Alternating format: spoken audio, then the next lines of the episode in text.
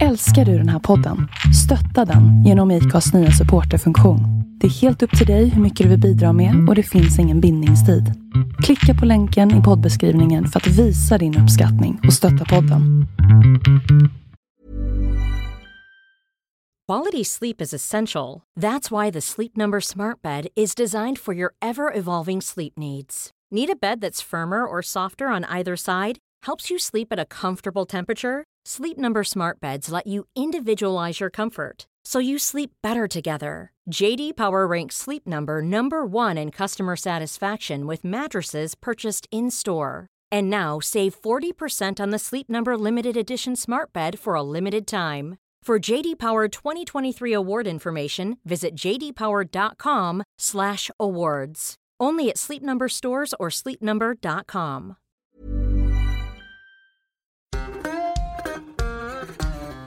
Hej och välkommen till Vi måste prata. Jag heter Emil Nilsén och gästas i det här avsnittet av Jens Rundberg som vid inspelningen den 14 januari var avgående politisk chefredaktör på Borlänge Tidning. Jag vill förtydliga att det här spelades alltså in nästan direkt efter stormningen av Kapitolium i Washington. Så den infon vi satt på vid inspelningstillfället stämmer inte riktigt, riktigt överens med det vi vet idag. Vill du stötta podden, gör det som vanligt på Patreon. Snedstreck, Patreon.com blir det. Snedstreck Vi måste prata. Tack för det. Här kommer Jens Rundberg. Hallå där. Hallå Jens. Hej där. Hej. Hej. Hör du mig bra? Ja, det gör jag. Ja, fantastiskt. Inspelningen har börjat. Jag ser dig inte. Jag trodde det var en... en Det är kanske en bäst sån lösning. Ja, bäst för alla. Radio eh, och så vidare. Nej, det här är en bild heller. jättesmart eh, lösning som spelar in ditt ljud lokalt och sen laddar upp det till webben och sen i min Dropbox. Och samma Ja. sak här. Ja. Eh, jag, alltså, jag tänker att vi låter det rulla. Vi, vi har ju aldrig pratat förut, du och jag, Nej, det har vi aldrig gjort. med varandra. Nej. Eh, men vi har ju, jag har ju skällt på dig av eh, då och då på nätet. Och oftast av, eh, på felaktiga grunder. För jag har gett mig på Dalarnas Tidningars redaktionella material och tyckt att det har låg kvalitet. Och då har du svurit dig fri från det. Kan vi, kan vi säga så? Ja, det, det har jag ju ingenting med att göra. Alltså hur det, hur det har vuxit fram. Eh, jag har ju inte gjort någon eh, bakåtsökning här och sett vilka debatter du och jag har haft i sociala medier. Eh, men det finns ju en föreställning att om man frontar tidningen, som, som jag ju har gjort länge, då, då har du också ansvaret. Sen Ja. finns det annat som förvirrar också, till exempel att, att en person i Dalarna med samma befattning som jag har titeln chefredaktör. Det låter ju väldigt liksom, den som bestämmer låter ju det som. Men Ja. ingen av oss gör ju det. Det finns två Jens Rundberg alltså. Är vi, är vi där också? Nej, jag, nu tänker jag på Göran Greider. Han är chefredaktör. Jaha. Och han, är, han har aldrig varit utgivare och han har aldrig haft någonting med sin nyhetsredaktion att göra. Och och det har ju vi gemensamt. Vi har ingenting med nyhetsredaktionen att göra och vi har aldrig varit utgivare. Men det är också det enda ni har gemensamt. Ja, sen är det inte så många beröringspunkter mer. Vi tänkte, jag tänkte så här, du får börja med att berätta lite om vem du är och hur hamnar man då i den positionen du har? Kan du sammanfatta Ja. din karriär på, på en hisspitch-minut? Oj, det är ju inte lätt. Jag skulle liksom göra lite extra knäck. Jag har alltid gillat språk och skrivande och skulle väl liksom på gymnasiet eh, försöka få någon göra inhoppare och få timmar och tjäna en krona. Och då, då började jag redan eh, jättetidigt då, sent 80-tal med inhopp på lokaltidningen där jag kommer ifrån. Det är en tidning som inte längre finns. Det händer mycket jämt här. Vad är det för tidning då? Och sen... eh, Ja, det är i södra Dalarna då. Eh, Den, den hade huvudredaktion i, i Ludvika. Och sen eh, fortsatte jag också genom alla år med universitetsstudier och få liksom lite ex- extra påhugg sådär. Och sen när jag hade utbildat mig till helt annat så kom det ändå bara för stor lockelse det här med att skriva. Och jag blev erbjuden ett fast jobb också. Så vad- började jag med det. Och då har jag varit nyhetsreporter först då, som alla andra. Och sen eh, nyhetschef. Och då har jag ju faktiskt lett, lett det här nyhetsarbetet som du eh, var inne på att vi har samtalat om i sociala medier. Och sen efter det var jag kulturredaktör för Dalarnas Tidningars alla titlar i tio år nästan. Och från årsskiftet 12-13 så har jag varit politisk redaktör och svarat för innehållet på ledarsidan, sidan 2. Det finns en kort passus därefter och den är att sen kom man att stycka Dalarnas Tidningar. Så nu är jag bara i Borlänge, på Borlänge Tidning och politisk redaktör just här. Och Dalarnas Tidningars historia, det har ju alltså det har ju gått eh, samman och sen isär. Ja. Det var, det var ett familjeföretag. Bröderna Bengtsson och så såldes det till Mittmedia och så, och så såldes det Mittmedia till Bonniers. Mm. Mm. Det är en av de punkterna jag har, jag har framför mig i mina två A4-sidor med saker jag undrar över om Ja. Jens och, och hans jobb. Ja. Hur mår eh, lokal, lokaltidningsjournalistiken i Sverige och i Dalarna? Är det någon skillnad på, hur de, på oss och de andra, vilket jag hoppas att det är? Eh, och hur, hur är allmäntillståndet? Ja, man ska ju komma ihåg att Dalarnas Tidningar så länge det konceptet fanns var ju den näst största tidningen utanför Stockholm, Göteborg, Malmö. Så här är det ju väl försett med lokaljournalistik på ett sätt som vi är lite hemmablinda inför. Liksom. Det finns ju andra trakter i Sverige där det har varit mycket mörkare. Medan det här har varit liksom upplyst. Eh, och sen har ju det där eh, backat och ändrats och det har kommit lokala uppstickare och, och tidningen hade länge en vansinnig ekonomisk modell också som byggde på förhoppningen om att sälja annonser i anslutning till gratisläsande. Mm. Det, det var ju inte som ensam drabbade det. oss rejält. Och sen, och, men, men nu sen en tid tillbaka så tror vi ju på betalande prenumeranter igen. Så det har ju Ja. Bonniers kommit in med ett helt nytt tänk som Mittmedia började skruva på. Men Jag tror att man Mittmedia gjorde, var ju ett fel lite i... Förlåt. Fan, det, det är inte lätt att få en syl i vädret med det heller. Nej. Eh, jo, jag tror att man gjorde fel. Man började med, som du säger, att ge bort det gratis. Yes. Vilket gjorde att man tappade eh, intäkter. Mm. För varför ska jag prenumerera på en pappersbunt när jag kan läsa det gratis på nätet? Ja, Vilket före ju- också. Ja, och vilket gjorde att jag tror att man helt enkelt av ekonomiska skäl fick en kvalitetssänkning och när kvaliteten hade börjat dala, då började man försöka få betalt för det. Ja, det, det är en ganska bra beskrivning. Vi sågar ju jävligt aktivt på den. Eh, nu blev det en svordom också. Vi sågade man. mycket aktivt på den gren vi satt. Så ska jag Ja. beskriva det. Ja. Lokala uppstickare säger du. Vi har ju Silja News här eh, i, i Dalarna och sen även eh, eller uppe där, där i den delen av Dalarna där jag bor. Hur, Ja. ser du på, hur ser du på deras möjlighet att konkurrera? Eller så här, är du rädd för dem? Om vi inte tar Nå, alltså Silja News. eh, Rädd? alltså Jag vet inte. Konkurrens är kul. Jag vet inte. Rädd vet, skulle jag väl inte säga. Det, det är ju...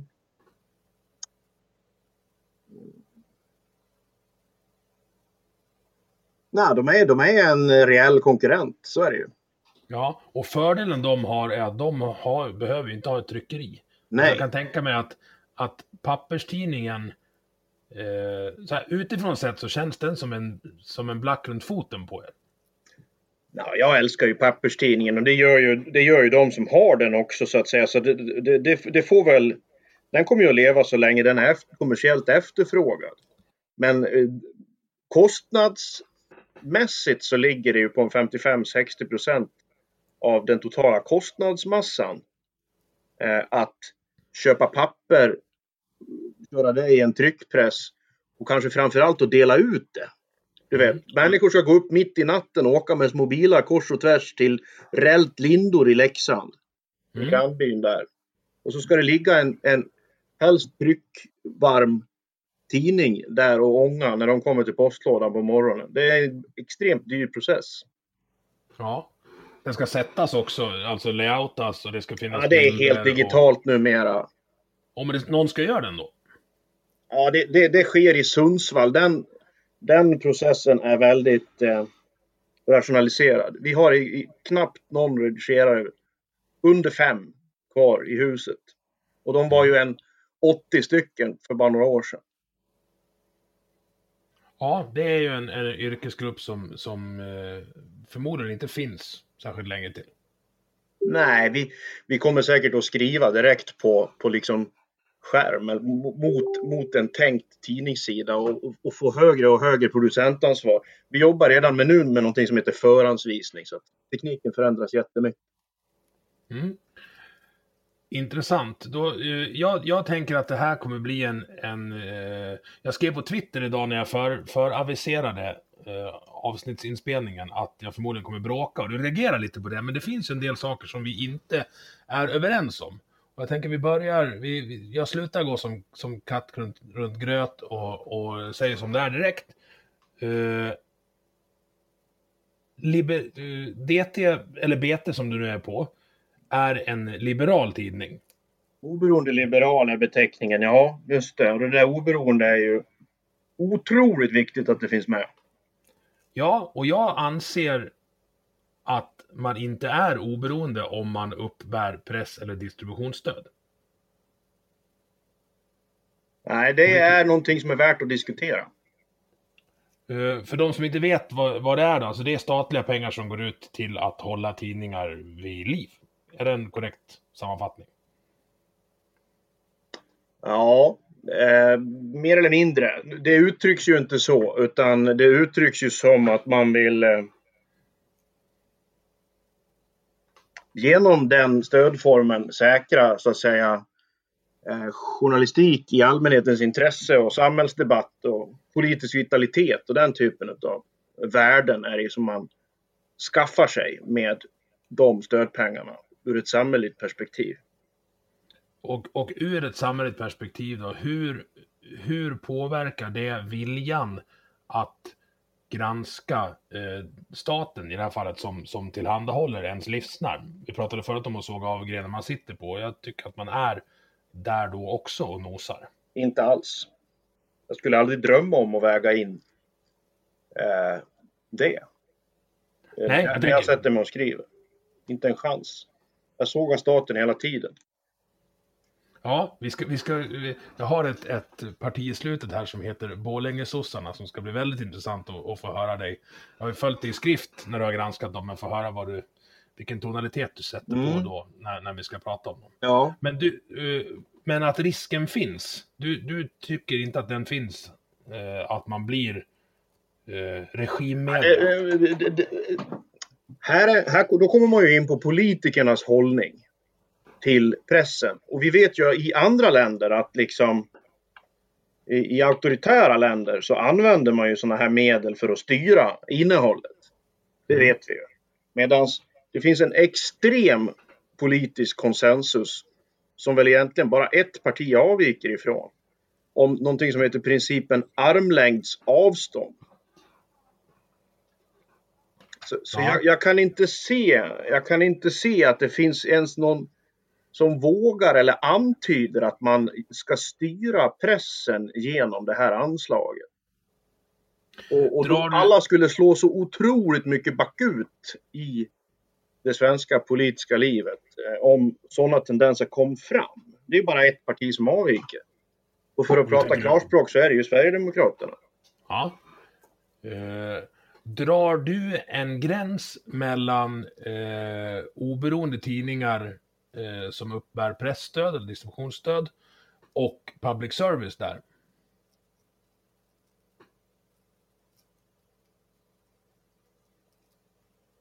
Ja, det finns en skillnad. De har ett ja. sändningstillstånd och i sändningstillståndet så skriver politiker vad de ska ägna sig åt. Det finns inte på vår kant. Där finns däremot regler om att det, vi själva ska ha gjort materialet. Men under den hatten att vi själva ska bestämma vad som ska vara i tidningen och verkligen leverera det också. Så att vi liksom inte klipper och klistrar från andra tidningar. Under den hatten så är vi helt fria. Det är inte public service. De ska till staten och statens stiftelser och organ redovisa hur man lever upp till detta sändningstillstånd. Det är klart att det är en skillnad. Mm. Eh, bedömer du att public service eh, lyckas hålla sig eh, i den neutrala mittfåran när det gäller rapportering? Eh, om, ju, om vi tar nyhetsrapporteringen. Då. Ja, det bedömer jag att de gör. Jag bedömer däremot att deras uppdrag som det är formulerat idag från politikerna eh, borde, det, borde ändras ordentligt. Man borde skruva på det rejält. Och, och svensk vill, vill att du bestämmer hur, hur det är idag och hur du vill att det ska vara. Förlåt? Då vill jag att du bestäm, berättar, utvecklar hur, hur det är idag och du, vad vill du ändra på och till vad vill du ändra det? Ja, eh, mitt ideal är väl i så fall mer det, det amerikanska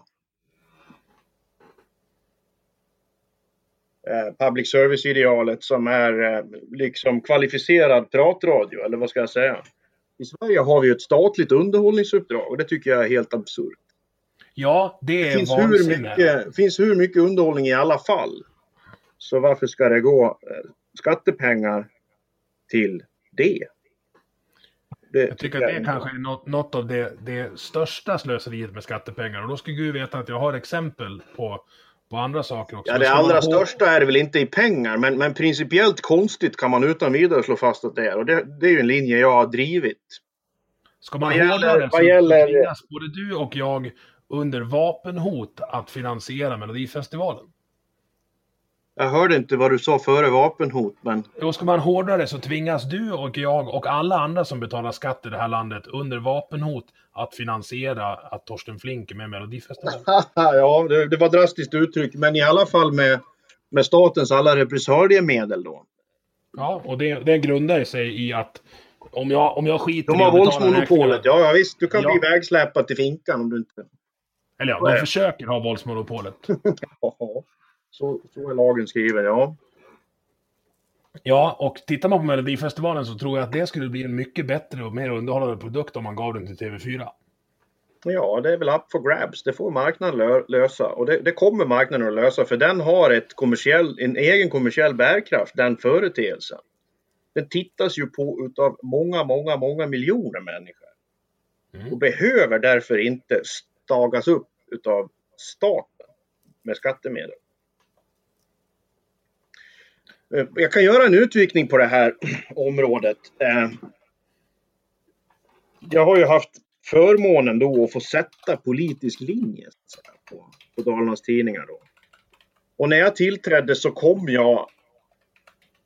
Så var faktiskt det här den första sak jag ändrade och berättade för läsarna att nu kommer tidningen att stå för något nytt. Mm. Och då var det på det viset att jag Eh, Eh, ärvde en linje som gick ut på att eh, pressstödet skulle bort eh, överhuvudtaget. Att, att public service skulle behålla det här underhållningsuppdraget. Och jag ändrade på båda de där. Jag tyckte att pressstödet skulle vara kvar och jag tyckte att underhållningsuppdraget skulle bort. Och jag motiverade det där med att eh, skulle vara kvar med eh, förekomsten utav Dalademokraten som ju var de som tog emot mycket pressstöd då. Eh, och fortfarande gör för övrigt. Nämligen att det blir bättre i Dalarna och mer dynamiskt om inte jag liksom ska få sista ord igen. Man måste se till att, att den här rösten finns och är med och berikar eh, samhällsdebatten. Eh, efter det så kom ju digitaliseringen väldigt brett. Det här med geografi började falla som fenomen. Sidorna stod ju också öppna då. Och då siktade, det var ju gratis att läsa. Så jag la om den här linjen faktiskt igen 2017 sen. Nej, 2016 var det. Um, och då sa jag att nej, jag tycker inte Dalademokraten ska få något pressstöd mer, för de skiter i Dalarna. Ja, det är påtagligt. Alltså, när man, det, det, den kanske ska heta Demokraten bara. Ja, alltså det är ju lite speciellt att uppbära pressstöd för att berika debatten här. Men att man lika gärna kan beskrivas berika debatten i Skåne. Hur, Sett, hur tänker du sett då? till, ja, jag, tänk, jag har suttit och räknat hur, hur många gånger eh, man i den tidningen, för, för det är ju åsiktsmångfalden som är grejen med, med pressstödet.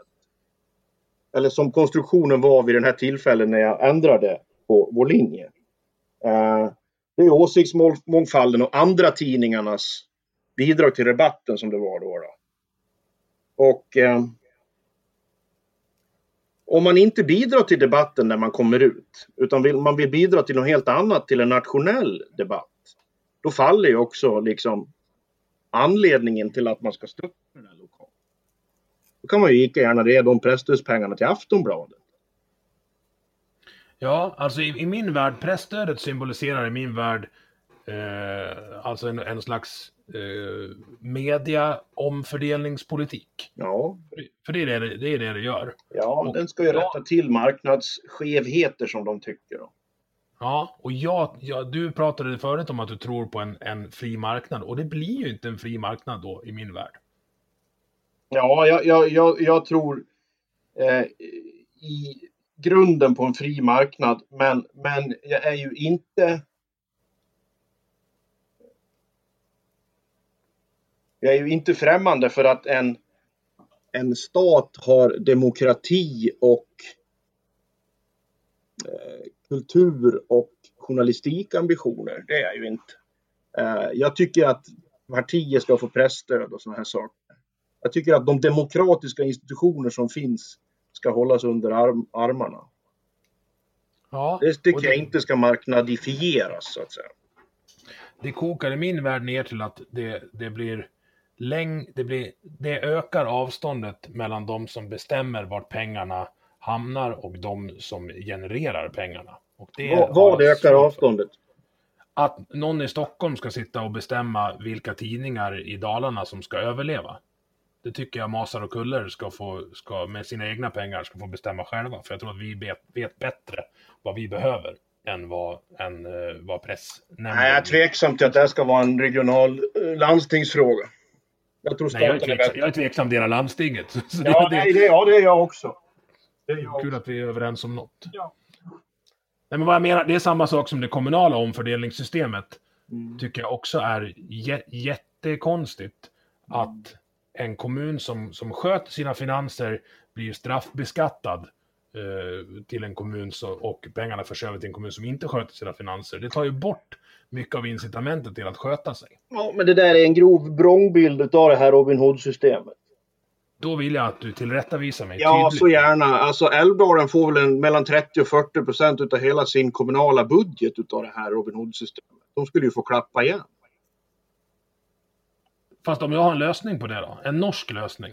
Ja. Jag tycker att Älvdalen ska få behålla i varje fall 2% av momsen som trängslet eh, genererar. Ja, nej, jag har inget emot det. Det kommer de inte så långt på dock. Jag tycker också att eh, att fastighetsskatten, att man kunde börja föra ett resonemang om, om vad fastighetsskatten ska ta vägen. Och efter ett tag hamnar vi ju för sig på något sluttande plan där en, en glesbygdskommun inte har någon damm som Trängslet som är fjärde störst i Sverige. Orsa har ingen sån. Hur ska det gå för dem då?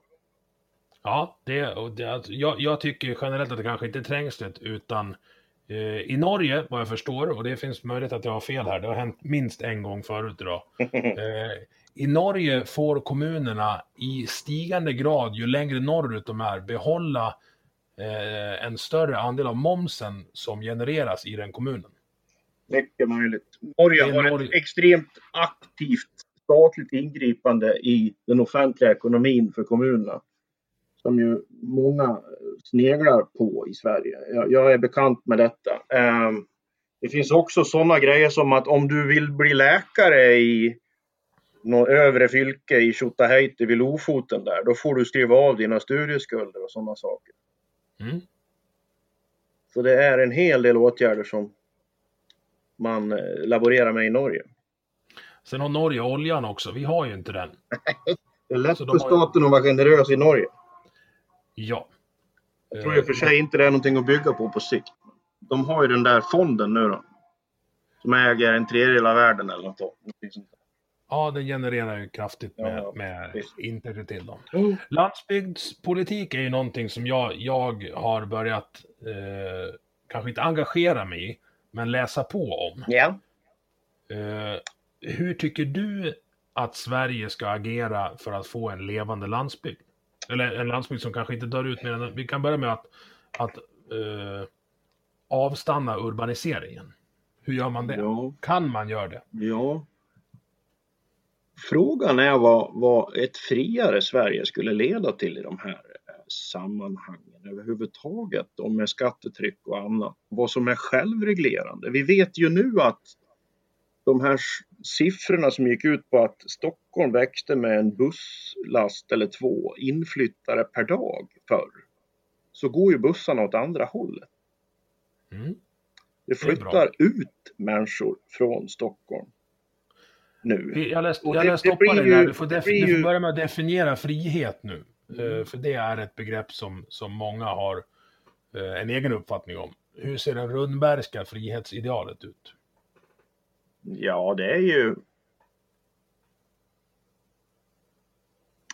att så mycket över en kritisk punkt för liksom någon sorts eh, trygghet. För trygghet och frihet kan ju vara två poler på en skala.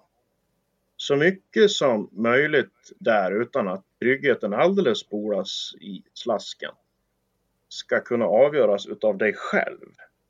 Och så lite som möjligt utav politiker och offentliga institutioner. Där är vi nog överens. Alltså jag definierar det som att jag vill bara vara i fred.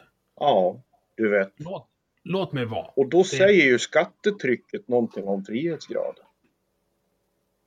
I ett samhälle. Utveckla. Ja, om, om, om en 40-45 procent där vi ligger idag ska passera ett politiskt beslut. För det är ju våra pengar som de här. Från början var det våra pengar. Har man inte det perspektivet så hamnar man ju alldeles käpprätt. Har man perspektivet att egentligen var det här statens pengar när de kom till. Då, ja, då är man ju inte liberal.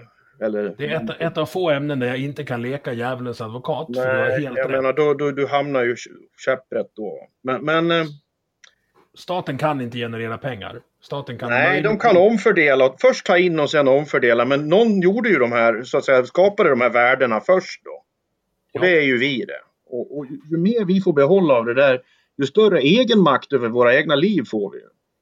Ja, Så är det. Enkelt. men du vill, du vill ändå ha omfördelningspolitik när det gäller presstödet. Det är det jag inte får ihop. Ja, eh, och då är det det här med att det kickar in andra saker som demokratiska värden och sånt. Att ett samhälle behöver också en liksom fungerande debatt och mångfald och den här typen av värden i andra vågskålen. Då. Det, här är ju, det här är ju annars marknader som kan leda till lo lokala monopol och så. Men, men eh, det, det där kartan ritas ju också om utav sociala medier.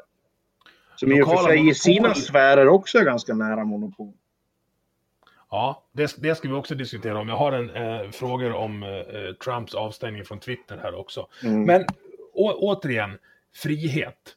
Liberalism i min, i min värld handlar om frihet. Mm. Jag, jag har en, en granne här som är aktiv i det partiet, eh, formerly known as Folkpartiet, som ju kallar sig Liberalerna men inte är särskilt liberala.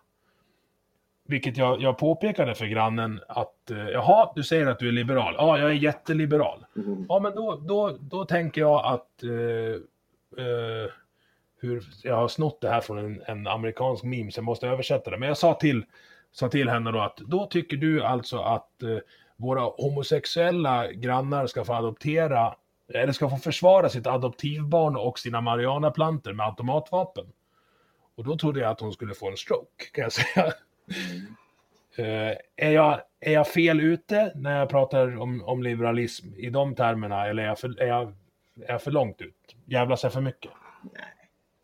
Det här är ju, det här är ju, är ju och ska vara en levande debatt hela tiden. Liksom. Ehm, man kan vara vapenliberal, man kan vara drogliberal. Det finns eh, olika skärningspunkter i, i vilken eh, liberalismen kan eh, brytas och ska diskuteras hela tiden. Det kanske, man kan hävda att det, det, är liberalt om det inte finns några vapenlagar. Du vet, varför ska det finnas 18-årsgräns? Mm. Det kanske ska vara 15. Det kanske ska vara 12. Varför har vi det inte som i Alabama? Där är det ju liberalare än här. Och, och, och, och, och då ska man liksom... Man kan, man kan ju stanna analysen där. Eller så kan man titta, ja men vad händer i, hur många vårdarskjutningar är det i Alabama? Finns det ett, flera, allmänt, flera samhälls, finns det ett allmänt samhällsintresse av att eh, hålla ner antalet vårdarskjutningar? Eh, ja, någonstans här så landar man i i en ståndpunkt och det, det, det, kan bli ganska lurigt om man eh, gör liberalism till en tävlan i att vara mest liberal. Nej, man, man lär... Eh, liberalism för att det ska funka. Ja. ja. men liberalismen för att den ska funka måste ackompanjeras av en diskussion om vad som är rimligt. Ja, och personligt ansvar och det, det finns allt möjligt liksom. Men om, om, man ser på, på samma granne nu som jag, jag pratade om nyss. Mm. Hon är alltså änka och bor längst in på en grusväg här i, i Djura där jag bor. Mm. Ett par hundra meter i närmsta granne. Mm. På vilket sätt har hon mer hjälp av statens våldsmonopol om det skulle komma eh, tre inbrottstjuvar än vad hon skulle ha av ett vapen för självförsvar? Det är en diskussion jag, jag gärna tar med henne också, för hon tycker inte att man ska ha vapen. Jag vet inte vad jag men jag vill, jag vill ändå ha diskussion. Hon skulle säkert eh, kunna skaffa ett vapen och i praktiken kunna använda det för självförsvar. Statens grundhållning är ju inte att hindra henne från det. Utan bara jo, att hon ska anmäla att hon vill ha det. Hon Nej, kan ju säga att hon ska gå med i en skytteklubb och öva prickskytte. Eh, och Precis, hon kan ju också får... skaffa sig en studsare som finns i varannat hus där du bor gissar jag. Du får inte i Sverige skaffa dig vapen för självförsvar. Nej. Du måste ljuga och säga att du ska ha dem. Ja, du kan använda det till något annat i praktik. Visst. Det är orimligt, tycker jag. Ja. En jag, jag hör, jag hör mycket en... sällan att, eh, eh, att vi borde öka andelen självförsvarsmotiverade vapen. Eh, vi startar liksom inte från den punkten där den frågan är aktuell. Utan vi har ju en vapenreglering som i praktiken har beväpnat jättestora andelar utav befolkningen. Ja, det, men då säger du, då är det studsare och hagelbrakare och de är i praktiken väldigt svåra att använda i en självförsvarssituation. Ja, ja. Det, det, är, det, det, är väl mycket, det är väl mycket enklare med en Smith Wesson i, i, i, i, I handväskan för henne naturligtvis. En, en, en, liten rackare. Nej, och jag vill med det säga, alltså jag är inte för att, att, att göra det, eller jo det är jag nog, lite enklare om man har ett självförsvarsbehov. För till saken hör att eh, landsbygden håller inte bara på att avfolkas, den håller på att avpoliseras också. Det tar jättelång tid att få ut en polispatrull eh, till Djura om man ens får tag i dem. Jag kan inte säga emot det. Jag, jag har ju sett siffrorna på utryckningspoliser. Det var ju, det var ju, vad var det, 180 Dalapoliser som jobbade i fält för tio år sedan. Och senast såg jag en siffra på 108. Och det har inte blivit lugnare? Nej, det har inte blivit lugnare. Det har inte blivit hemskt mycket oroligare heller. Och eh, man kan jobba på smarta sätt och hit och dit brukar det heta. Och du vet, en del polisarbete måste ändå ske bakom bakom ett skrivbord när man sitter och utreder och grejer. Men, men, men det här är ett reellt problem. Du är helt rätt ute Emil i detta. Jag har en lösning på det då. Får jag, prov, får jag provköra den på dig? Mer vapen till folket? Nej. Nej. Men att man lyfter eh, anställningsförbudet från, alltså en kommun idag får inte, även om man är helt överens i kommunfullmäktige och kommunstyrelse om att man har ett behov av ytterligare två poliser och kanske en doktor, så är det olagligt för kommunen att anställa dem. Oh, du har så rätt i det och det har ju den här nya covid-smittan aktualiserats. Därför att eh, det finns något som heter medicinskt ansvariga sjuksköterskor som skulle hantera mycket allvarliga, mycket allvarliga sjukdomar då. Eh, och så skulle vårdcentralerna trots allt ha det läkaransvaret ute på äldreboendena. Och det slår ju den här coronarapporten ner på. Och samma sak är det på ordningsområdet.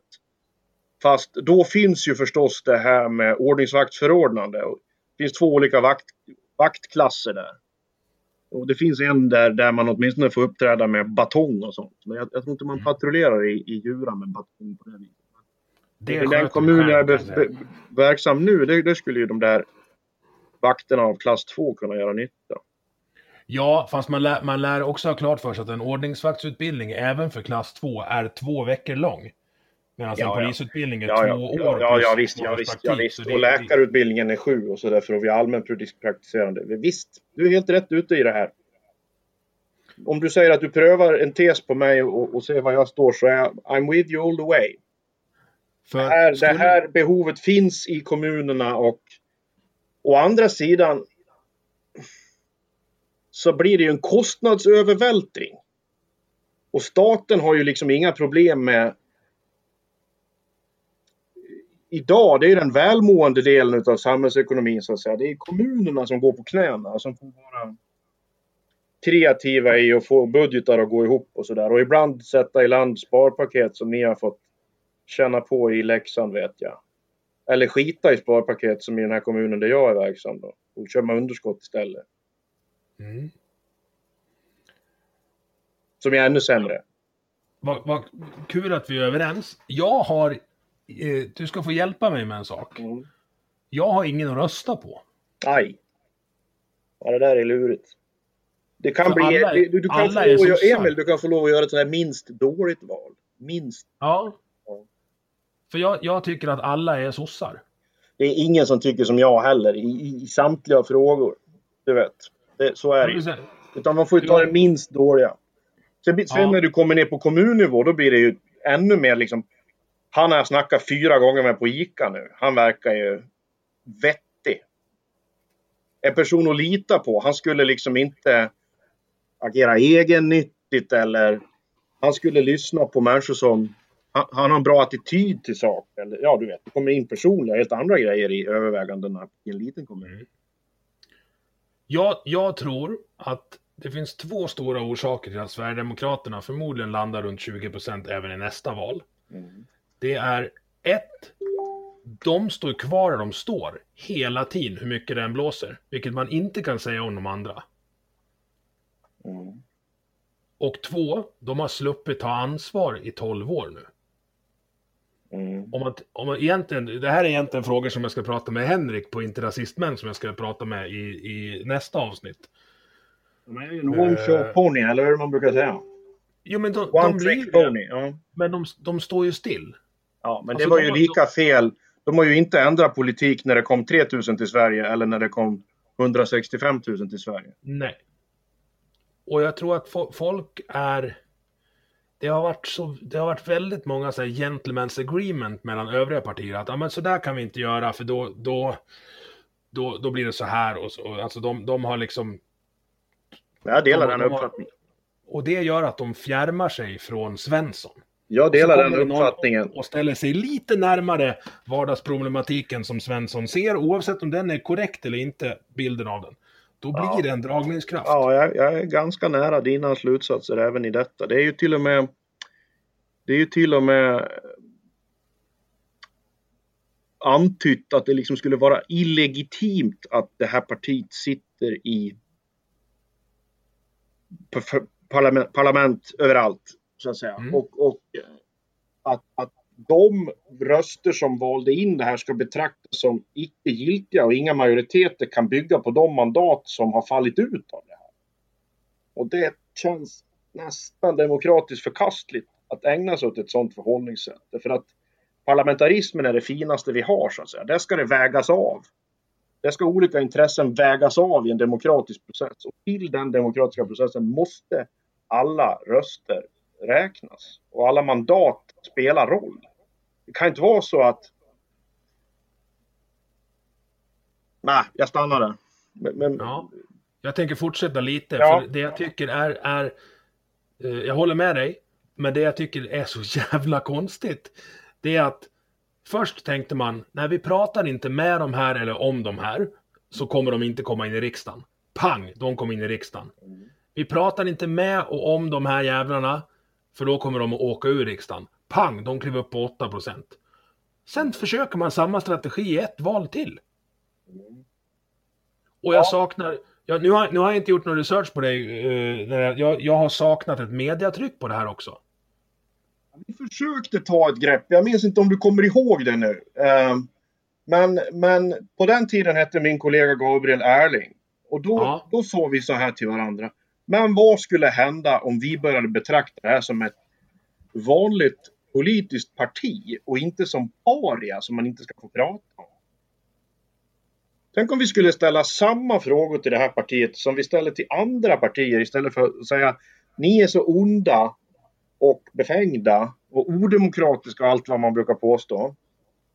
Eh, så er, er tänker vi inte titta något närmare på eller liksom ta reda på vad ni egentligen säger eller utkräva någon sorts politiskt ansvar av er. Och, och vad vi gjorde då var ju att vi, vi började kolla på en sorts bang for the buck. Vad fick de här väljarna som valde det här partiet för politik i sina kommuner av att lägga? För de har ju samma demokratiska möjligheter som alla andra efter att de väl har kommit in, även om de blir nedröstade hela tiden.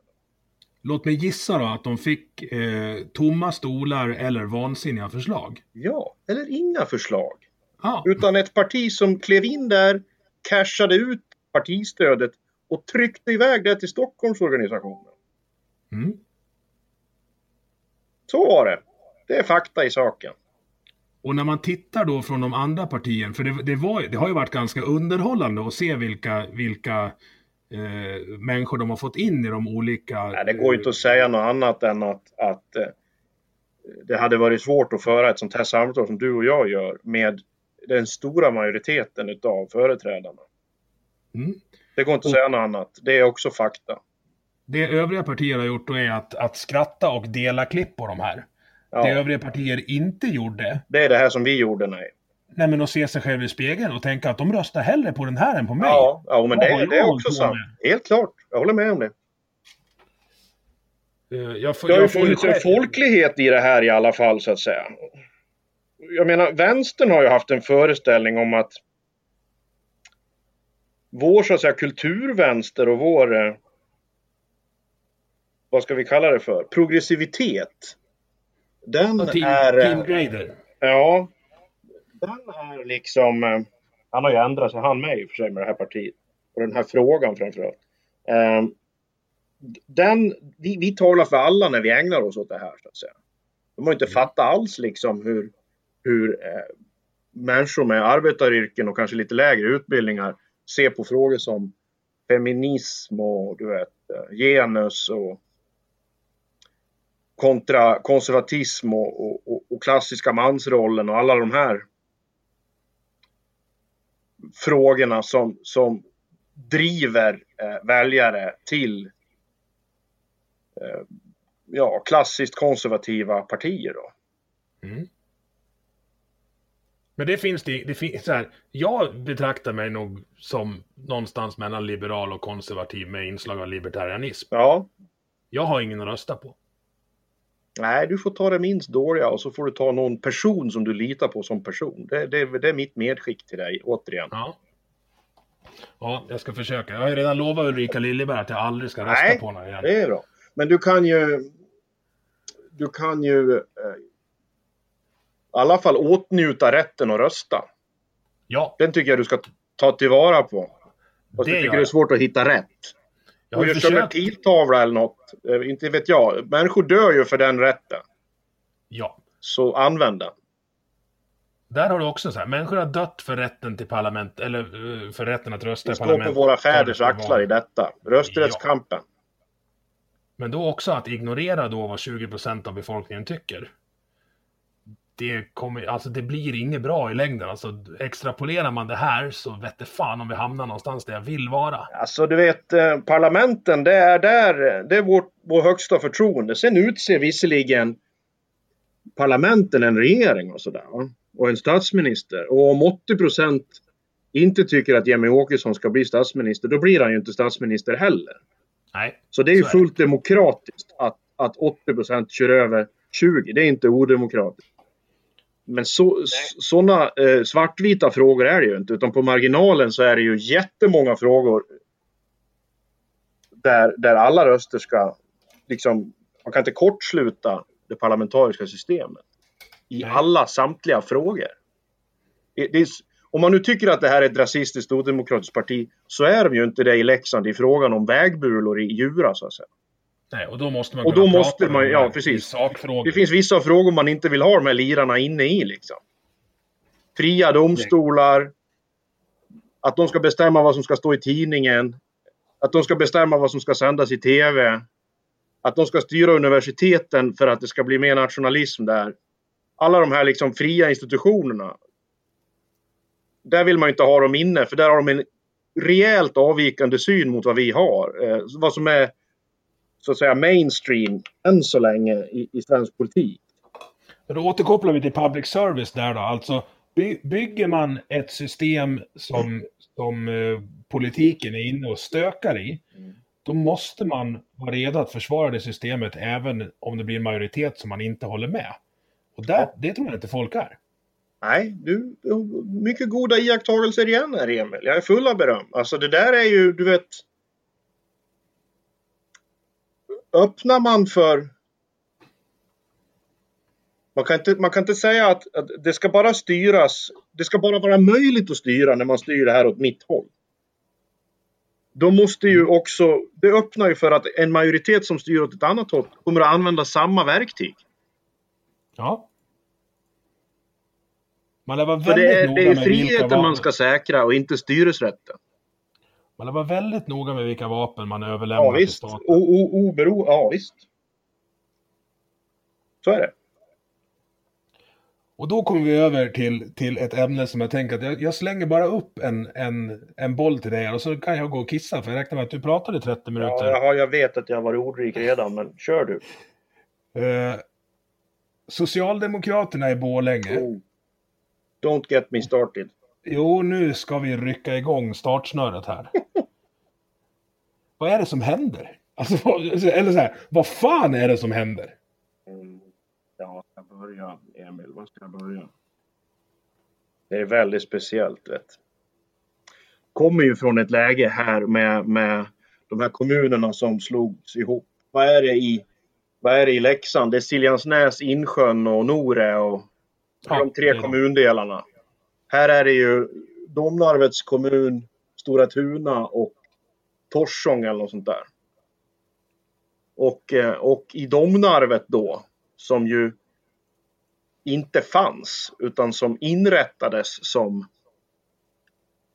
som eh, industristad runt Dalälven här med pappersbruk och järnverk. De eh, hade ju röstetal på en 85 procent för Socialdemokraterna. Därför att var du arbetare så var du socialdemokrat. Och någonstans går den där självbilden av att ha ett sånt mandat och ett sånt stöd som en vålnad igenom lokalpolitiken här. Det är sällan man ser en sån självbild som man stöter på här. Det är vi som bestämmer helt enkelt. Det är de som bestämmer. Något Det är annat deras är otänkbart. Det är deras bild av det hela. Helt klart. Och ändå har de tappat 25 procentenheter sedan valet 94. Mm. Vi snackar en resa från 57 procent utav stödet här då till eh, 32 idag. Och den rörligheten ser man ju sällan på så, under den tidsspannet. Nej, det är ett massivt fall. Herregud, du vet. De hade 36 mandat av 61 i fullmäktige och nu har de 20 kvar. Det är blåa pa partier inne i, och blågröna inne i, i majoritetsunderlaget nu för första gången sedan demokratins införande. Och vad får detta då för... Du, du har ju jagat i, i framförallt Kenneth Persson eh, senaste, senaste tiden. Mm. Med all rätt, för jag tycker inte du har klivit... klivit eh, eh, jag, här, jag tycker att, att du har gjort ett bra jobb. Jag är förvånad över att, att det inte jagas mer på eh, nyhetsplats. Ja, jag får ju inte och ska inte och vill Nej, jag vet- inte jag vet, göra jag det. Men, men eh, ja. Jag har ju förändrat nyhetsjournalistiken. Eh, förlåt, ledarjournalistiken. Eh, på det sättet att jag ju håller på med sakfrågorna. Och besluten och de politiska processerna som de kommer till uttryck i nämndmöten, eh, beredningar, fullmäktigebeslut, du vet. Jag är nere och grottar på det som var nyhetsreportrars. Det är inte stora ideologiska utgjutelser jag ägnar mig åt, utan det är ganska konkreta saker.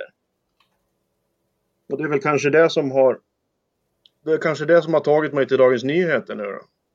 Ja, du ska vara med där också. Det kommer vi också till. Mm. Eh, Det är ju... Ja, det är väl som om New York Rangers skulle ringa till. Det är, stort, det är stort för mig, det måste jag säga. Det är jävligt Ja. stort. Det är som, det är liksom vid min ålder också vet du Emil. Ringer någon från...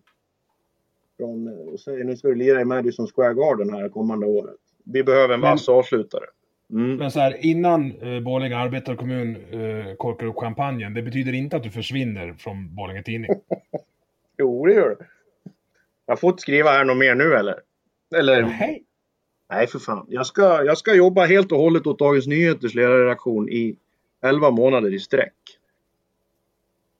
Spännande. Japp. Det må man säga. Ja, för där... Ja, nej, vi Det ska... är stort för en vi, vanlig dagkarl det.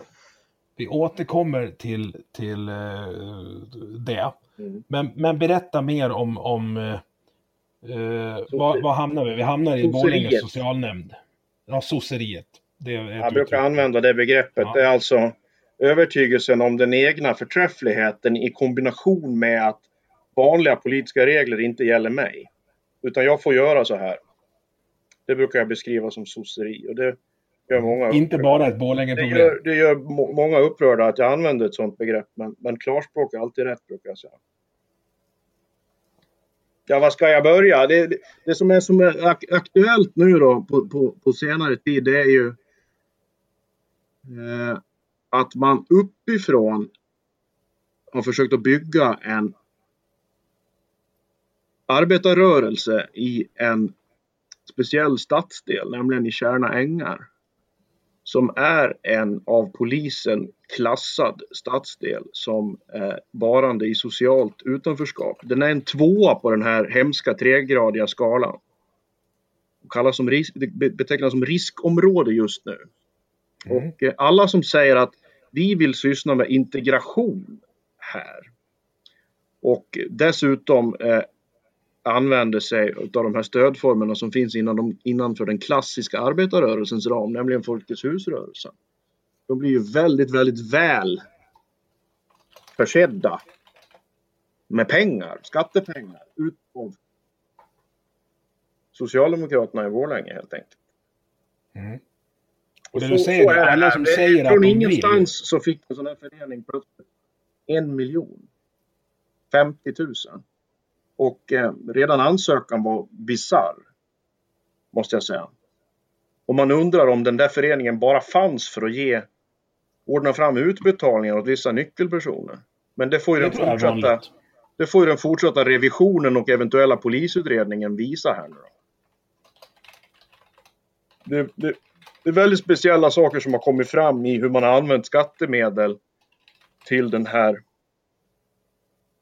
föreningen, den här rött färgade föreningen. Och det är ju inga vanliga människor som sitter i de här utan det är ju drivna politiker som sitter och, och, och håller möten och placerar sig i styrelsen och anmäler sig till till revision och sådär. Och Kenneth Persson har ju dessutom lyckats ordna så att han såg till att hans egen son var verksam i den här föreningen. Den fick pengar i alla fall. Han var med och klubbade sådana klubbade sådana beslut till sonens förening och de försökte dölja detta då. Eh, genom att sonen några timmar innan hoppade av och sådär för att han formellt inte skulle stå på papperna. Men där är det ju murvelgrävande från min sida som har exponerat det där. Och det har ju i sin tur då lett till att nu har Socialdemokraterna själva som parti tagit sin hand ifrån Kenneth Persson som har lett Borlänges socialdemokrati i 21 år. Så det är ingen liten obetydlig politiker som, eh, som de nu säger åt att gå av scenen, utan det är deras ordförande i 21 år som de säger bye bye Kenneth till. Mm. Då hamnar vi tillbaks på det här med min skepticism till eh, socialistisk omfördelningspolitik. Mm. För jag, det är jag... hindrar den här föreningen att driva sin verksamhet utan en enda krona. Nej men kör! Alltså är man... Är man... hade ju kunnat sälja lotter som alla andra föreningar. Ja du, don't get me started Nej men jag menar att kämpa och krångla, ja du vet. Ja. Du vet, någon på dörren varannan dag ska sälja kakor du vet. Nu är jag här mm. för Slätta IK. Ja, ibland köper man någon kaka då liksom. Det är väl ändå en bra verksamhet. Men, men här är det helt annat. Det startar uppifrån i ett partibeslut om att det ska finnas en arbetarrörelse i, där ute.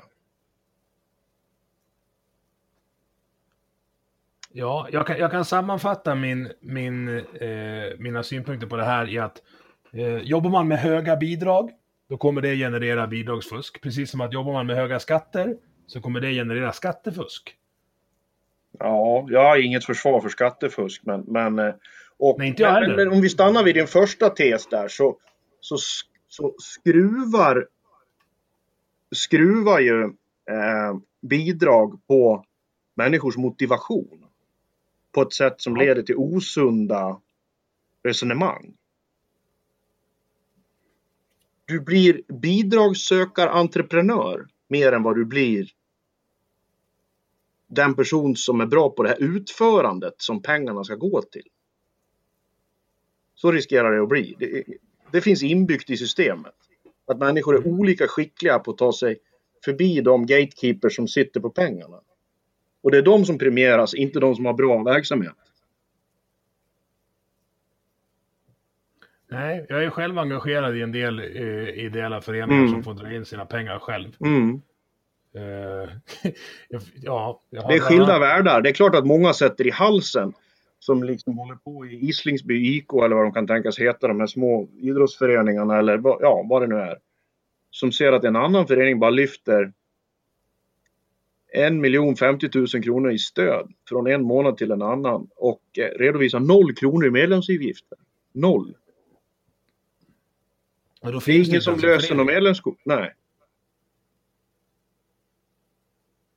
Men hur kan detta få pågå då? Ja, det kan ju inte det. Jag håller ju på att försöka sätta stopp för det. Du vet. Jo, men jag tänker så här. Om en dag i taget försvinner... så ska det här bort. Men det försvinner en miljon till en förening i en kommun. Ja, ja. Hur många elevassistenter och sjuksköterskor försvinner det i sånt här trams? Ja, det är klart att eh, all, alla utgifter ska gå till... Alla utgifter ska kunna motiveras på sina egna meriter. Och, och ska ställas mot vad man hade kunnat göra annat för pengarna så att säga. Och varje gång det finns en krona kvar så måste ju den gå till kärnverksamhet. Så är det ju. Jag tänker så här. Eh, under corona nu så var det någon kommun som gick ut och sa att vi kommer sluta, eller så här, vi kommer stänga ner all icke-essentiell verksamhet. Mm. Och det lät ju bra. Och sen funderade jag ett varv till och bara, varför i hela friden håller kommunen på med skattefinansierad icke-essentiell verksamhet? Mm. Och då vet jag vad du tänker. Säger han som är med i Leksands IF. Ja. Och det är, det är min nästa punkt. Ja. Eh, lägg ner operan i Dalhalla och ge dem skattemedlen till hockeyn istället, säger jag. Vad säger Jens då? Det har du nog gjort, säger jag då. Ja, okej. Okay. Nej, skämt åsido, vi får ju, vi får ju höra, vi som, som eh, bryr oss om det här hockeylaget, att vi är kommunaldopade. Mm. Uh, jag tänker inte ta ställning i frågan, för det, det blir ett löjets skimmer om man ska försöka verka neutral. Nej, men eh, alltså, det är väl bättre att visa flagg och debattera utifrån en given ståndpunkt. Säg inte att du är neutral. Det är rätt. Vi har över hundra, ja, då, ska, jag- då ska jag dra fram, du kan få mitt bästa argument Ja, direkt. det brukar vara det bästa. Vi har över hundra stycken gymnasieelever som är direkt kopplade, som kommer utifrån, som är direkt kopplade till is- ishockeyverksamheten. Mm. Ah, vad? En kvarts miljon styck per år va? I, inna, med inackorderingstillägg och, och så. Som hamnar här i kommun. Mm, de är skattekostnader någon annanstans då. Det är de. Mm. Men jag, är ju, jag bor ju här. Det är ju det här jag bryr mig om. Mm. Nej, min, min poäng i det hela är att betalar man nästan hälften av det man genererar i, om man tar med arbetsgivaravgifter som ju är en skatt. Mm. Ja, det är det. Det ska kallas för det. Ja, men det gör det inte. Men ta, betalar man hälften av det man tjänar i skatt så tycker jag att man vi borde få tillbaks mer än vad vi får tillbaks just nu. Mm. Både på landsbygd och i stad. Och då eh, blir jag såg att Slöseriombudsmannen, denna fantastiska inrättning, eh, hade en 10 i topplista. Och jag blir alltså uppriktigt sagt arg i en hel dag när jag läser vad pengarna går till. Ja.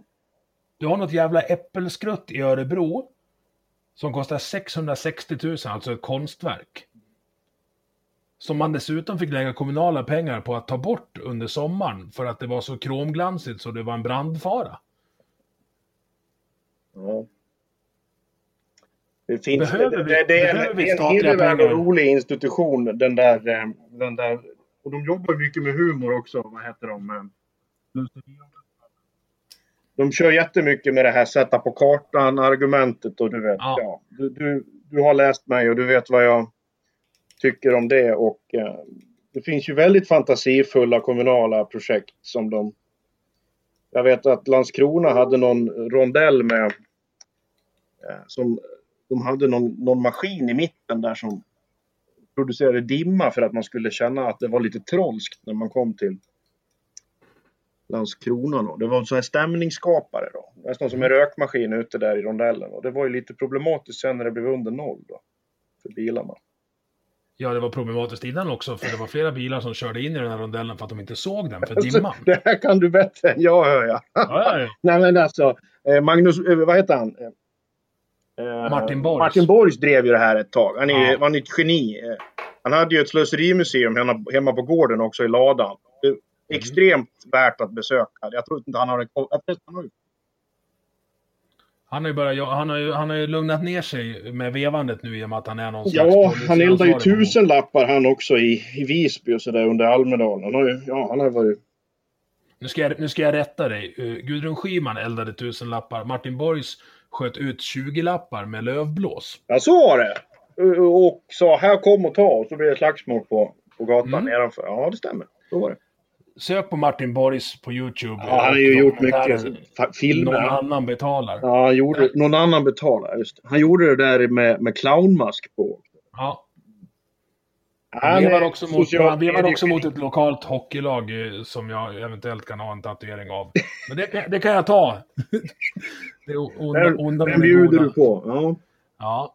Om jag säger barken till dig då? ja, nej. Don't get me started, säger jag. Det var ju också Kanske- en sån där, du vet.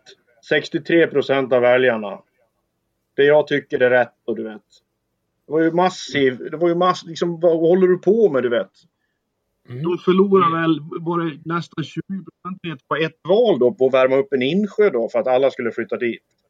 Alltså, vi pratar alltså om Smedjebacken där man valde att, att eh, installera en värmeväxlare för att få upp badtemperaturen, Ja. för att förlänga badsäsongen med ett par, par veckor. Värmen har vi redan var resonemanget därför att järnverket står på andra sidan ån där då. Kolbäcksån Mm. inne i centrum. Så att prästbadet eller vad det heter där skulle få det skulle kunna ha öppet på vintern till och med.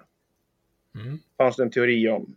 Men eh, jag tror de har fått upp gradantalet med tre grader och sådär. En insjö är ganska stor ändå. Och vatten är ganska trögvärmt. Det är en energidens... Man, man kan ha mycket roligt med de här socialdemokratiska projekten då. Det kan man ha. Ja, det finns ju uh, så här. Nu är inte Socialdemokraterna här och kan försvara sig. Eller, Nej, eller om vi, du, ska- om så skulle du ha sagt om service. det här var public service. Ja. Ja, och det är jag inte. Mm. Jag är, det här är en ren backaffär för mig att sitta och prata med dig. Ja. Men det är, vi har, förvånat, vi har varit förvånansvärt obråkiga. Ja. Du, eh, jag vill återgå till svensk media mm. som har en, ett kärleksförhållande till eh, den kommande presidenten i USA, Joe Biden, mm. som jag tycker är osunt. Mm. För lyfter man på locket och läser vilka policyförslag han dels har, har drivit igenom när han var vicepresident åt Barack Obama mm. och även vad hans valplattform innehåller, mm. så skulle han stå 18 mil till höger om allting vi har i Sverige. I, i varje fall i riksdagen. Mm. Ja, Demokraterna ligger, och har historiskt gjort, det måste man komma ihåg, eh, ligger klart till höger om M i alla fall. Ja. Så har det varit också historiskt. Alltså Clinton skulle varit till höger om Reinfeldt. Då. Har vi någonting till höger om M? Jag antar att du, du vill placera Sverigedemokraterna där? Ja, KD har också ändrat sin retorik i den riktningen, det skulle jag nog säga. I ja. mycket sådana där värdefrågor så, så är ju KD åt det hållet med. Generellt så lanseras ju höger som, som eh, liberal och frihetligt. Och där... Och Nej, där är jag inte med dig. Nej, låt höra. Jag skulle säga höger är konservativt. Ja. Men, men ekonomisk politik är ju en ett politikområde för sig. Så att, och när moderater säger liberalkonservativt, då menar de nog liberalt på det här ekonomiska området. Men, men när, ja. när eh, KD, KD-företrädare säger eh, socialkonservativt, då är det ju andra grejer som betonandet av familjen och du vet ja. Eh, abortreglerna och även sådana saker som att vi, vi ska inte ha ett mångfaldssamhälle utan vi ska ha vi ska gå in för assimilering istället för eh, ja, hur är det de uttrycker sig? Assimilering. Assimilation istället för integration. Ja, exakt, ja. Det ska inte räcka med att du liksom jobbar och försörjer dig själv utan du ska liksom dela värderingar med majoritetsbefolkningen. Och, och, och, och, till exempel en sån plattform som skolan, den ska utgå ifrån att du vet, det ska vara kristna skolavslutningar och sånt. Det är ju KDs linje där. Ja. Jag skulle betrakta mig själv som liberal-konservativ och då får jag ibland skäll för att det, folk tycker att det är två ideologier som inte går att kombinera. Men då brukar jag sammanfatta det så här. Jag tycker att folk ska få göra precis vad de vill. Mm. Jag tycker också att jag ska slippa betala för det. Mm. Nej, så säger man det då är man ju, då vill man ju uppnå något med det retoriska angrepp. Det är som att säga att Nej, men då finns inte Moderaterna. Det är en uppfinning. De är ju helt trygga i sin ideologi. Eh, så att visst finns det en liberal konservativ position att inta, men det man gör då är ju en splitting som jag säger mellan ekonomisk politik och den är liberal. Och sen är det värderingsfrågor där man är konservativ. Mm. Och det, det, det, är fullt legitimt att inta en sån vad, vad är din inställning? Och nu, nu hoppar jag lite, men jag, jag tyckte att vi, vi, vi snuddade vid Tjärna ängar och utsatta områden. Så vad är din inställning till migrations och integrationspolitik? Hur ska man göra för att få ja, det Jag har ju också gjort en resa i detta som, som många andra så att säga har varit liberal-liberal. Men då har jag också varit liberal-liberal utifrån föreställningen om att eh, inte att, att man ska hoppas på invandring som ett sätt att liberalisera Sverige för att det kommer att liksom ge sig själv då att, att en del utav över, den liksom socialdemokratiska socialistiska överbyggnaden av, av samhället kommer att utmanas. Men, men, men ändå att liksom saker och ting skulle falla naturligen på plats av det. Till exempel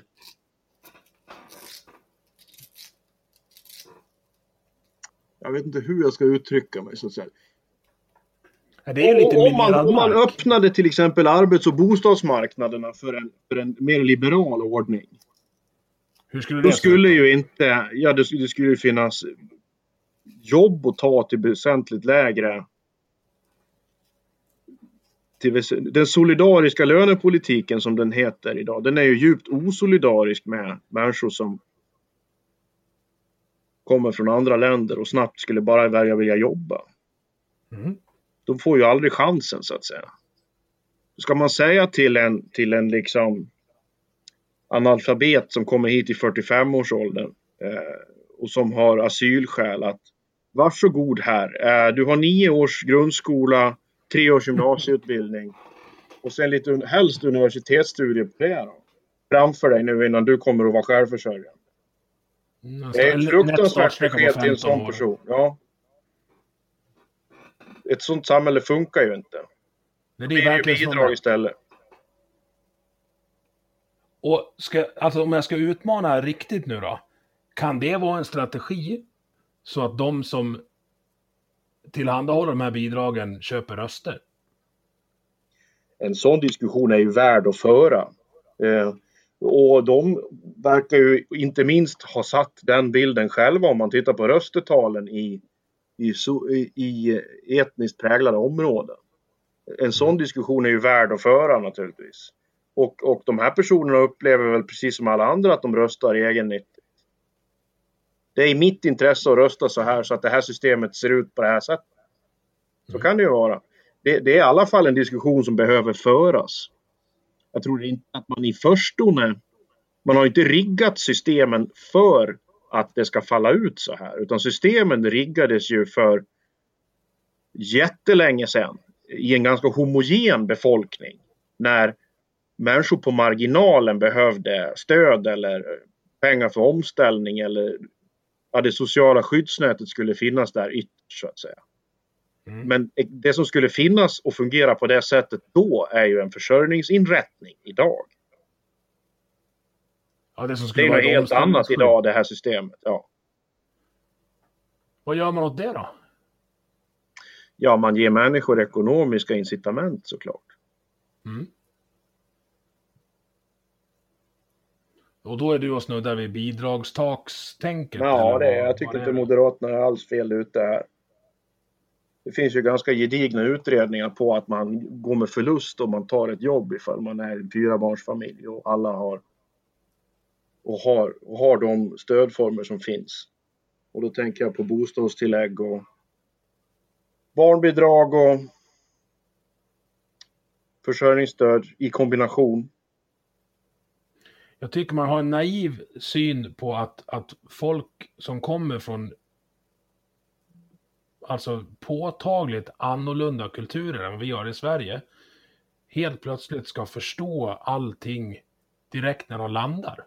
Ja, och att man ska liksom omfattas utav en eh, svensk eh, plikt och arbetarmoral när man kommer från kanske ställen med failed states där, där staten bara är ett eh, verktyg för liksom det är bara att gå till medelhavsländerna så finns det en helt annan syn på staten.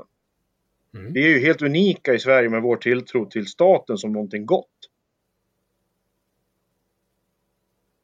Jag kommer inte ihåg vem det Staten var. är ju det de man ska blåsa i Italien till exempel. Ja, mycket, mycket av det som staten tillhandahåller här Ja. tillhandahålls av maffian, i varje fall i södra Italien. Ja, jag hörde på, jag hörde i, på den här Andragetan som den heter. Den här. Mm. Inga att Vi leka får på i med. P1 han ägnar de ju stora delar av dagen. I detta förträffliga institut public service åt Ndragetan. Som omsätter 500 miljarder euro varje år. Mm. Visst, de löser marktvister och de betalar ut sjukpenning och det är en institution på sidan i de där länderna.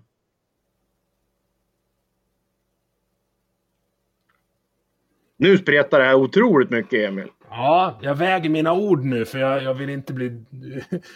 Eh, ja, vi kan komma till det, för det är faktiskt en av, en av punkterna här. Mm. Eh, den, de stora techföretagens censur på sociala medier, alltså de stora techföretagen är ju sociala medier. Ja. Eh, vad tänker du om det? ja, det där är skitsvårt. Det där är skitsvårt. För de är både företag och jag är för fritt företagande. Som ställer ut användarvillkor som de som går med säger att de ska förhålla sig till. Mm. Det är den ena grejen. Det andra är att de är nästan som järnvägen eller vägen som alla färdas på. Och en sorts Och allmän de, är, de, nytta. de är infrastruktur. Ja, som en infrastruktur. Och då säger de att ja, ibland krockar folk på våran väg. Och någon, någon är reckless driver och någon är helt liksom, någon är direkt kriminell. Men vi drar bara vägen vi.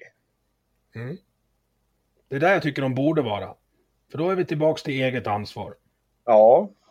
Men eh, då skulle de också få ha 50 miljoner människor som sitter och läser.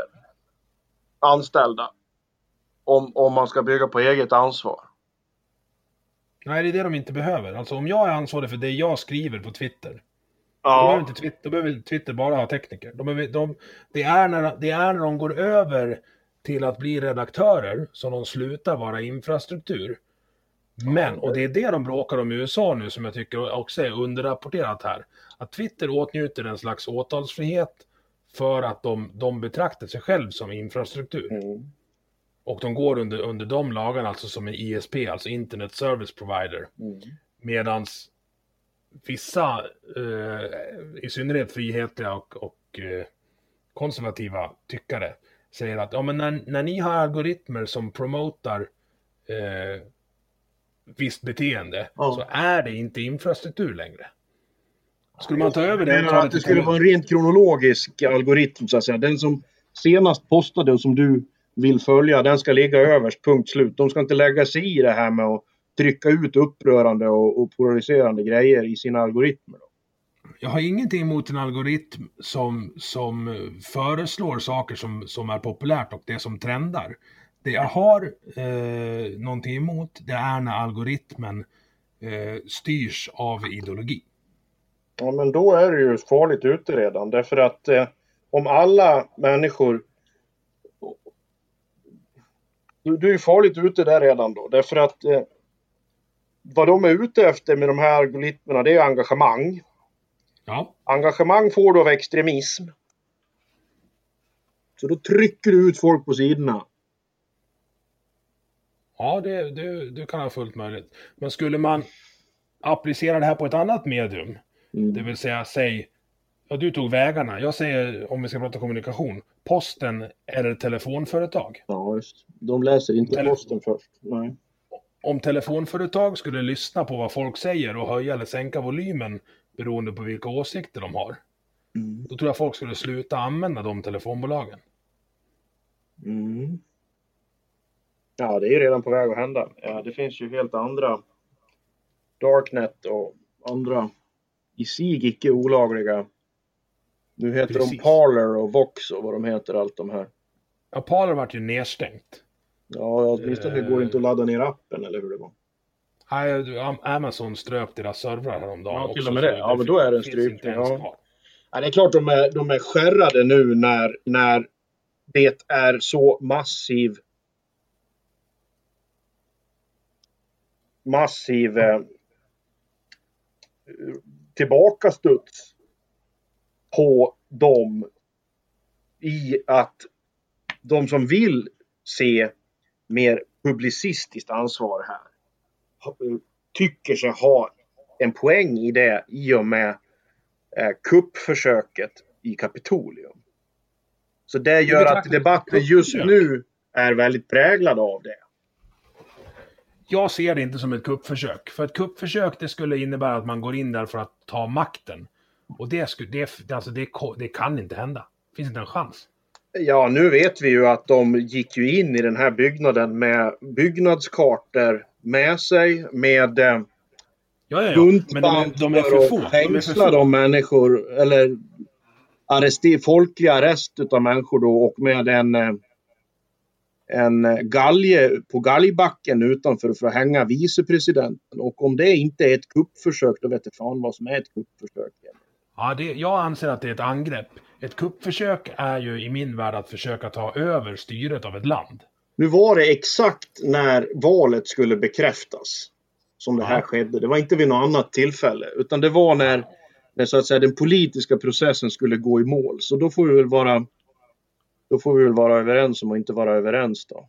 det var vid den ceremoniella delen av den politiska... Ja, men, eh, men som har också den formella, Ja, formella betydelsen i att bekräfta valet. Enligt konstitutionen då. kan vi, vi kan enas så här, om, om det var, det, jag kan gå med på att det var ett taffligt kuppförsök, för det finns inte en chans att det hade lyckats. Alltså inte en chans. Nej, alltså det fulla våldsmonopolet skulle ju sen ha kickat tillbaka så att säga. Och nu har ju... Nu har ju alla säkerhetsansvariga fått lov att avgå och sådär. Mm. Det, spä, det spännande här i, för jag, jag tycker ju om, eller så här, jag har en allergi mot trams och hyckleri. Mm. Där att samma människor, upplever jag, jag kan ha fel, samma människor som nu skrek till varför gör inte polisen mer än vad de gjorde? Och de gjorde ganska mycket, det sköts folk där inne. Ja, det dödade. Samma människor, samma människor stod och skrek defund the polis för fyra veckor sedan. Ja, jag ser inte någon, eh, jag ser inte någon eh, jätteparallell mellan de två. Ja, alltså visst är det bekvämt att kritisera polisen beroende på vad som är för dagen så att säga. Ja, Eh, nu, nu visar ju den raka erfarenheten här att eh, eh, mönstringen från polisens sida när det har varit Black Lives Matter demonstrationer har ju varit tiofalt den beredskap som man hade när, när den här alt-right-rörelsen eh, tog sig in med våld och med eh, mycket mer avancerade planer än vad de kom att realisera i Kapitolium. Det är ju det är svårt att argumentera på något annat sätt. ja och det är ju ett clusterfuck. För alltså, de var ditkommenderade av sittande presidenten. Alltså det här, det här är ju... Ja, det kommer ju, och det kommer ju att bli knäckfrågan i vilken utsträckning de var där. Och jag tror, jag tror det blir svårt att fälla honom för om man tittar, gör en sån där line by line läsning av hans tal där. Så är ju den väldigt speciell i, i att han säger nu, nu marscherar vi dit och det grövsta han säger eh, är väl egentligen be strong. Mm. Däremot är det ju efteråt häpnadsväckande och dröja så länge med att gå ut och säga gå därifrån. Han kontrollerar ju ändå de här människorna.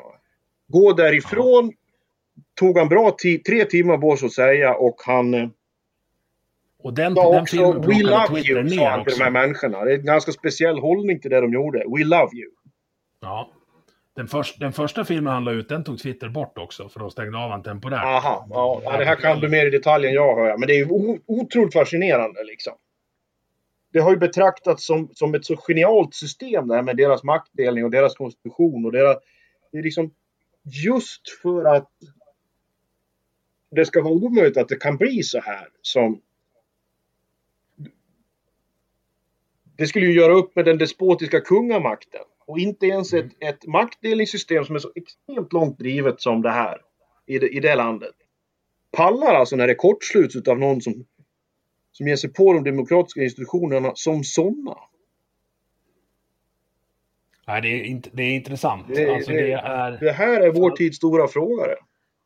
för att parafrasera, alltså, eh, livet är en tragedi för den som känner och en komedi för den som tänker. Ja. Alltså, och vi lever i på- intressanta tider kan man också säga. Det är som det är sanning just nu. det går ju, alltså så här. Jag är eh, en vit medelklassman med två barn och en fru och eh, en villa ute på landsbygden. Ja.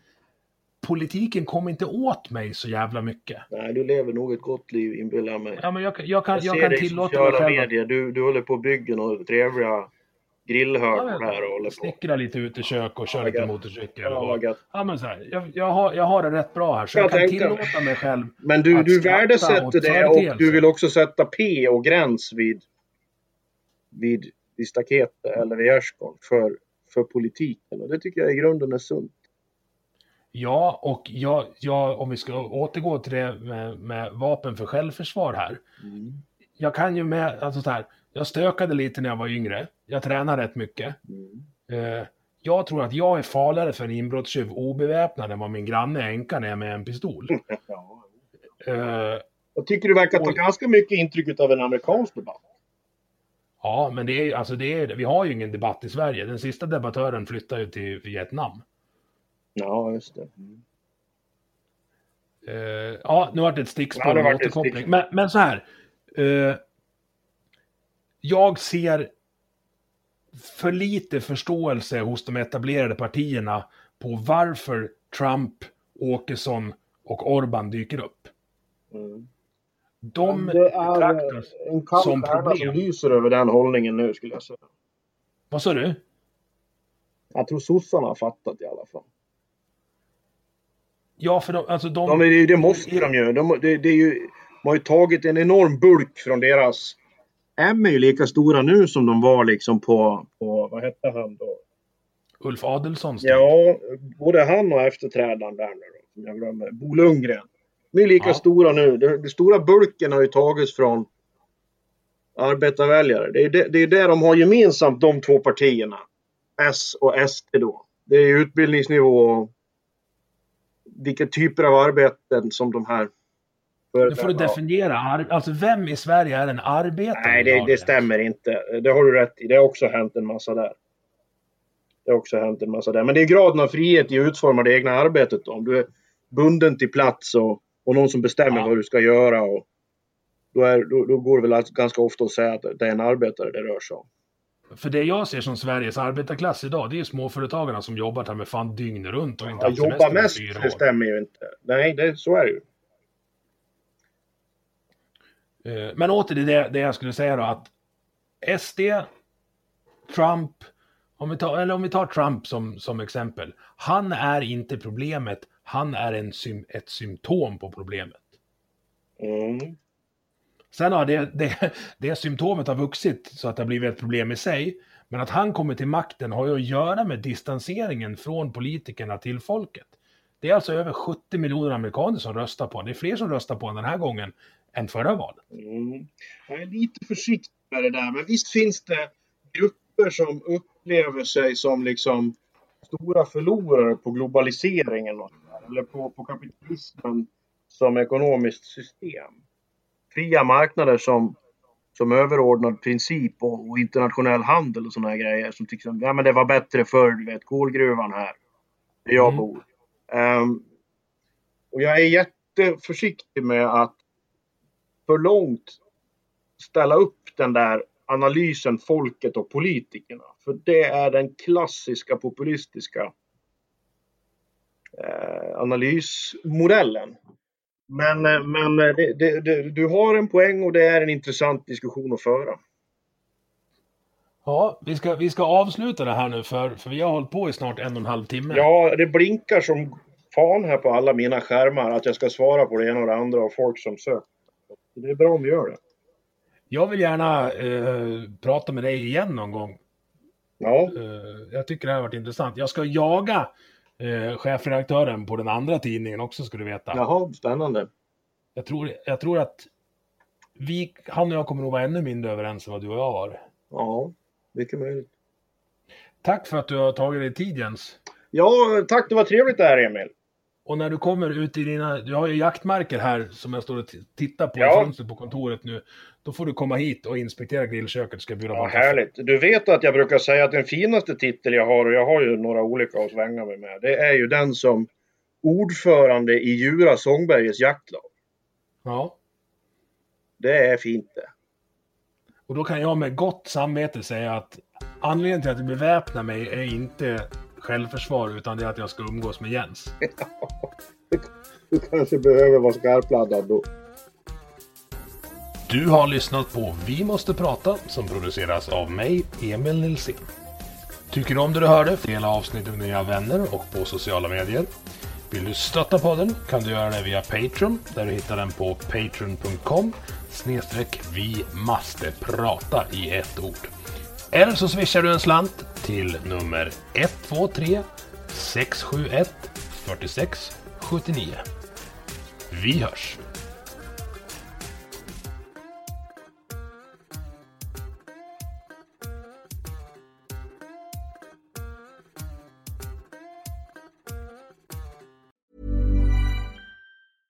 Flexibility is great. That's why there's yoga. Flexibility for your insurance coverage is great too. That's why there's United Healthcare Insurance Plans. Underwritten by Golden Rule Insurance Company, United Healthcare Insurance Plans offer flexible, budget friendly coverage for medical, vision, dental, and more. One of these plans may be right for you if you're, say, between jobs, coming off your parents' plan, turning a side hustle into a full hustle, or even missed open enrollment. Want more flexibility? Find out more about United Healthcare Insurance Plans at uh1.com.